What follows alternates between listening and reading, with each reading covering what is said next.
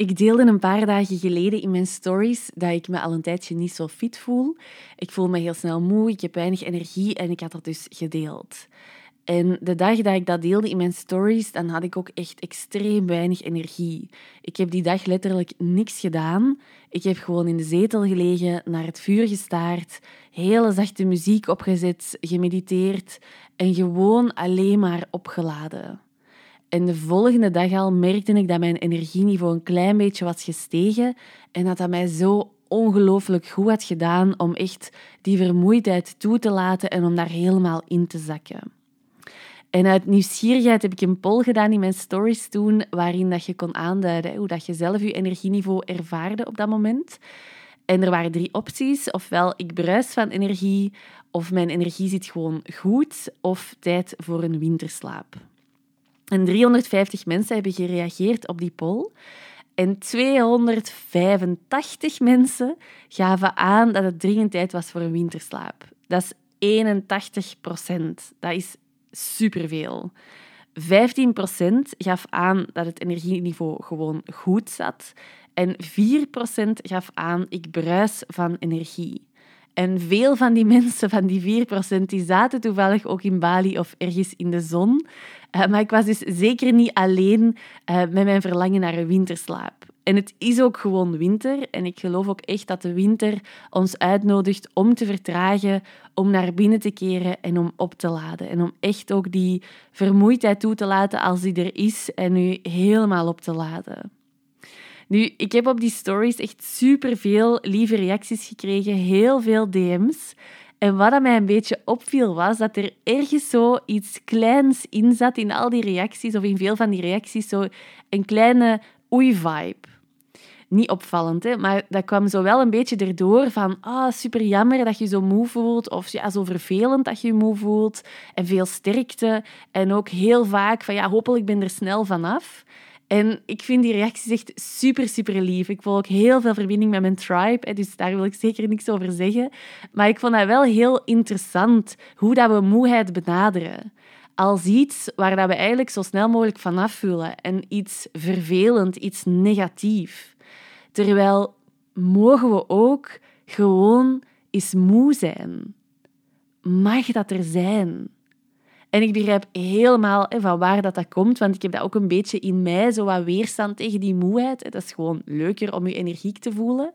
Um, maar ik zeg dat ook, ja, op, op maatschappelijk vlak zie ik dat wel echt ook gebeuren. En ook in die reacties zag ik dat gereflecteerd. Uh, van moe zijn of niet fit zijn, dat is iets waar we liever niet willen. En waar dat we eigenlijk liefst zo snel mogelijk vanaf moeten komen. Want we leven in een high-energy maatschappij waar we liefst continu productief zijn, continu energiek zijn. En moe zijn is dus iets wat daar niet in past. Dan is er iets mis. Ja, dan moeten we daar iets aan doen. Dan moeten we daar vanaf geraken. Maar dat is eigenlijk alsof we van een fruitboom verwachten dat die het hele jaar door vruchten geeft. En bij fruitbomen vinden we dat heel normaal dat dat niet kan. Maar bij onszelf hebben we toch liever het hele jaar door die vruchten en die productiviteit. En dan denken we zo periodes van weinig energie, weinig inspiratie, van ja, oei, er is iets mis.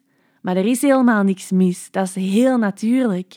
Het is heel natuurlijk dat je niet heel de tijd inspiratie hebt, heel de tijd energie hebt, heel de tijd dingen wil creëren. Dat is heel natuurlijk, dat is heel normaal.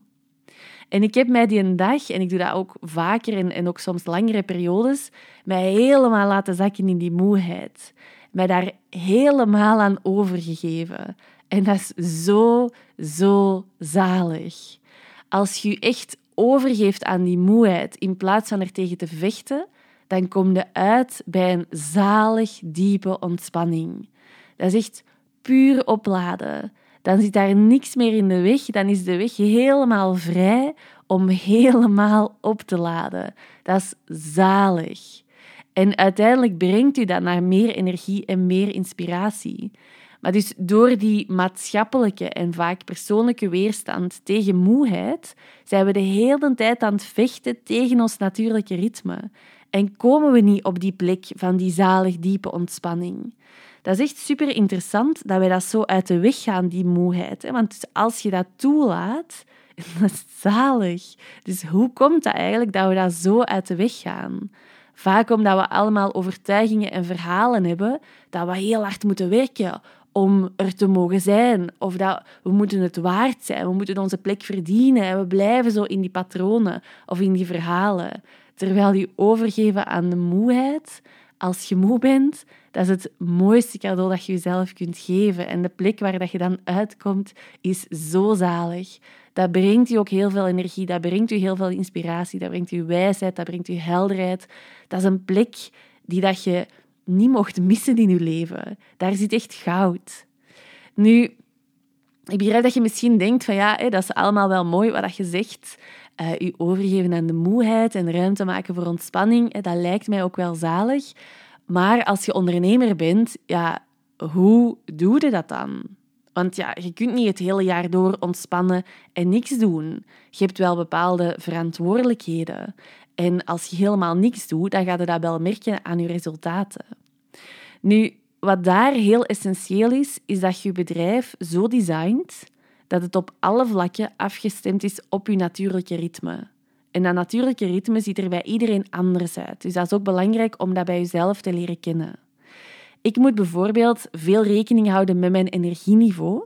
Dus voor mij persoonlijk is het heel belangrijk dat er periodes zijn waarin ik helemaal niks anders moet doen dan opladen. En dat die periodes ook echt ingebouwd zijn. Dus de hele tijd aanstaan en doorpushen, dat is iets wat ik niet meer kan. Dus de strategie van Soulworks is niet gebaseerd op grinden en hustelen en doorpushen. En dan hoor ik vaak van ja, maar Soulworks dat bestaat al lang. Als starter moet je dat wel doen. Nee, ik heb dat ook als starter nooit zo gedaan, want dat was toen ook al geen optie voor mij. En dat hoeft ook echt niet. Het is zelfs beter dat je vanaf in het begin je strategie niet baseert op dat husselen, want dan is de kans heel groot dat je dat gaat moeten blijven doen. Dus stem vanaf in het begin het design van je bedrijf af op je natuurlijke ritme. Dus wat ik je wil vragen is om dat bij jezelf ook eens heel eerlijk te checken. Gewoon zo op een afstandje jezelf observeren als ondernemer, je bedrijf observeren. En check eens of dat je bedrijf zo gedesigned is dat als jij je natuurlijke flow volgt, dat je bedrijf dan ook floreert. Of is je bedrijf zo gedesigned dat het floreert als jij hustelt en doorpusht. Dat is een hele belangrijke. Bijvoorbeeld bij Soulworks, als ik heel een tijd ga husselen, dan gaat dat een negatieve impact hebben op mijn resultaten. Terwijl als ik mijn natuurlijke ritme volg en ruimte maak voor ontspanning en voor opladen, dan ontstaat er van daaruit heel diepgaande inspiratie van waaruit ik heel waardevolle dingen kan creëren, die dat kan delen met mijn tribe, waardoor dat er verbinding ontstaat, waardoor dat de juiste mensen echt een volle ja gaan voelen, omdat het zo resoneert. En zo kan ik ook in mijn trajecten de hoogste kwaliteit bieden.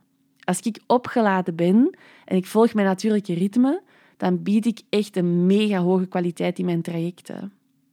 En daarnaast is er ook een strategie opgezet binnen Soulworks, zodanig dat er dagelijks verkopen zijn zonder dat ik in verkoopmodus moet gaan.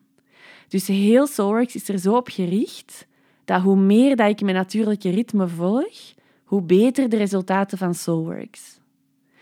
En als uw strategie van uw bedrijf gebaseerd is op dat husselen, Stel dat je dagelijks drie keer post, dat je allemaal verschillende aanbodelementen hebt die dat je allemaal moet opvolgen, heel veel afspraken. Je wilt ook nog heel een tijd in je stories verschijnen. Um, je, hebt, je moet de hele tijd in verkoopmodus zijn. Je bent constant aan het lanceren en zo verder. Ja, als je bedrijf zo opgebouwd is, dan kun je geen ruimte geven aan je natuurlijke ritme.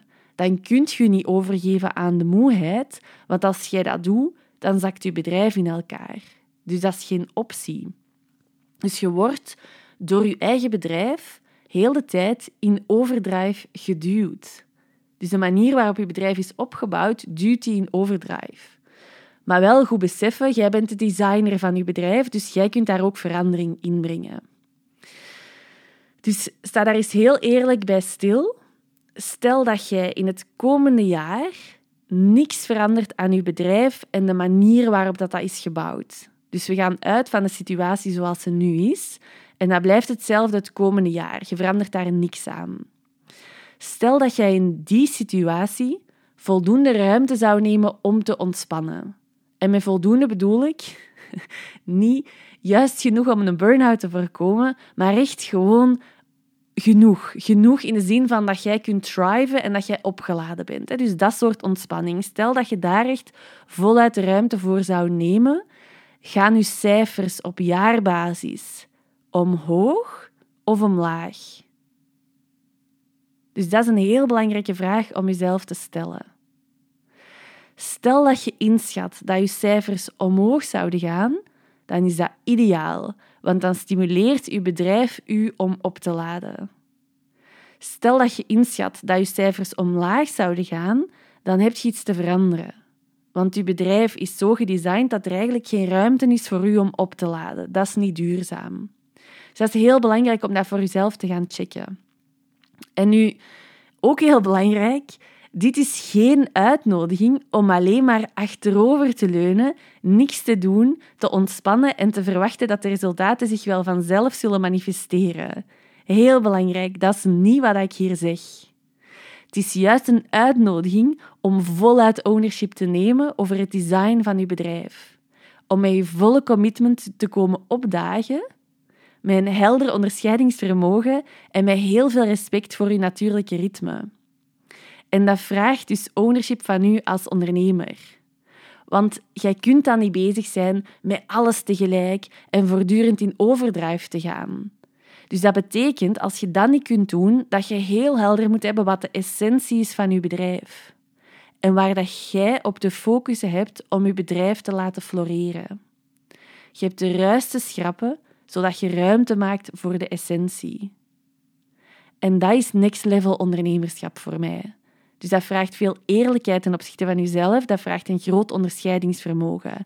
Wat is hier de essentie? Welke keuze heb ik hier te maken om in alignment te zijn? Ik heb bijvoorbeeld al heel veel mooie opportuniteiten laten passeren, omdat ik voel dat dat mij wegbrengt van de essentie. Maar dat waren wel heel zalige opportuniteiten. Maar toch heb ik die laten gaan. Dus dat is ook echt heel eerlijke keuzes maken. Echt gaan voelen van waar zeg ik ja tegen, waar zeg ik nee tegen. Om echt te kunnen focussen op de essentie. En daarmee creëert je heel veel ruimte. Terwijl bij het grinden en hustelen en blijven doorpushen, hoeft jij zoveel keuzes niet te maken. Elke opportuniteit die voorbij komt, die kun jij met beide handen grijpen elke kans die je hebt om te verkopen, die pakte. En dat is een andere manier van werken. En voor sommige mensen werkt dat perfect en die hebben daar totaal geen last van en die vinden dat zalig om dat op die manier te doen. Voor mij was dat geen optie. En ik ben heel blij en dankbaar dat dat voor mij geen optie was en dat ik een andere manier heb ontdekt die veel meer in lijn is met mijn natuur. Een manier waarop je ook niet hoeft in te boeten aan resultaat. We hebben bij Soulworks al drie jaar op rij een omzet van 1 miljoen euro, wat ik toch een heel mooi resultaat vind. En wat dat belangrijk is, is dat je voor jezelf stilstaat bij hoe dat jij je resultaten wilt behalen. En hoe dat je bedrijf gedesigned is om tot die resultaten te komen. Dat is waar dat je het verschil in maakt. Dus is je bedrijf zo gedesigned dat als jij je natuurlijke flow volgt, dat je bedrijf floreert? Of is je bedrijf zo gedesigned dat het floreert wanneer dat jij hustelt en doorpusht en jezelf uitput. En heb je daar dus iets in te veranderen. Als je graag diepgaand en concreet begeleid wordt door mij om je volledige bedrijf af te stemmen op je natuur en je natuurlijke ritme, dan doe ik dat echt heel graag. Check dan zeker de pagina over het Business en Soul traject. Ik zal de link hieronder zetten. En Zet u zeker op de VIP-lijst als je interesse hebt, want de deuren van het Business Soul traject gaan slechts enkele dagen per jaar open. Dus als je dat moment niet wilt missen en je wilt zeker zijn dat je je aan de meest onweerstaanbare voorwaarden kunt inschrijven, dan is het heel, heel belangrijk dat je op die VIP-lijst staat. We hebben ook echt zalige extra's voorzien voor onze VIP's, die je echt niet gaat willen missen. Dus de VIP-lijst van het Business and Soul is de place to be als je interesse hebt. Als je deze aflevering waardevol vond, waardeer ik het enorm als je daar iets over deelt. Je mag altijd Aurélie underscore Soulworks taggen op Instagram, zodat ik het zeker kan zien en ook kan reposten in mijn stories. Ook een review op de Apple Podcast app of vijf sterren op Spotify waardeer ik enorm. Dankjewel om te luisteren, dankjewel om hier te zijn en heel graag tot binnenkort.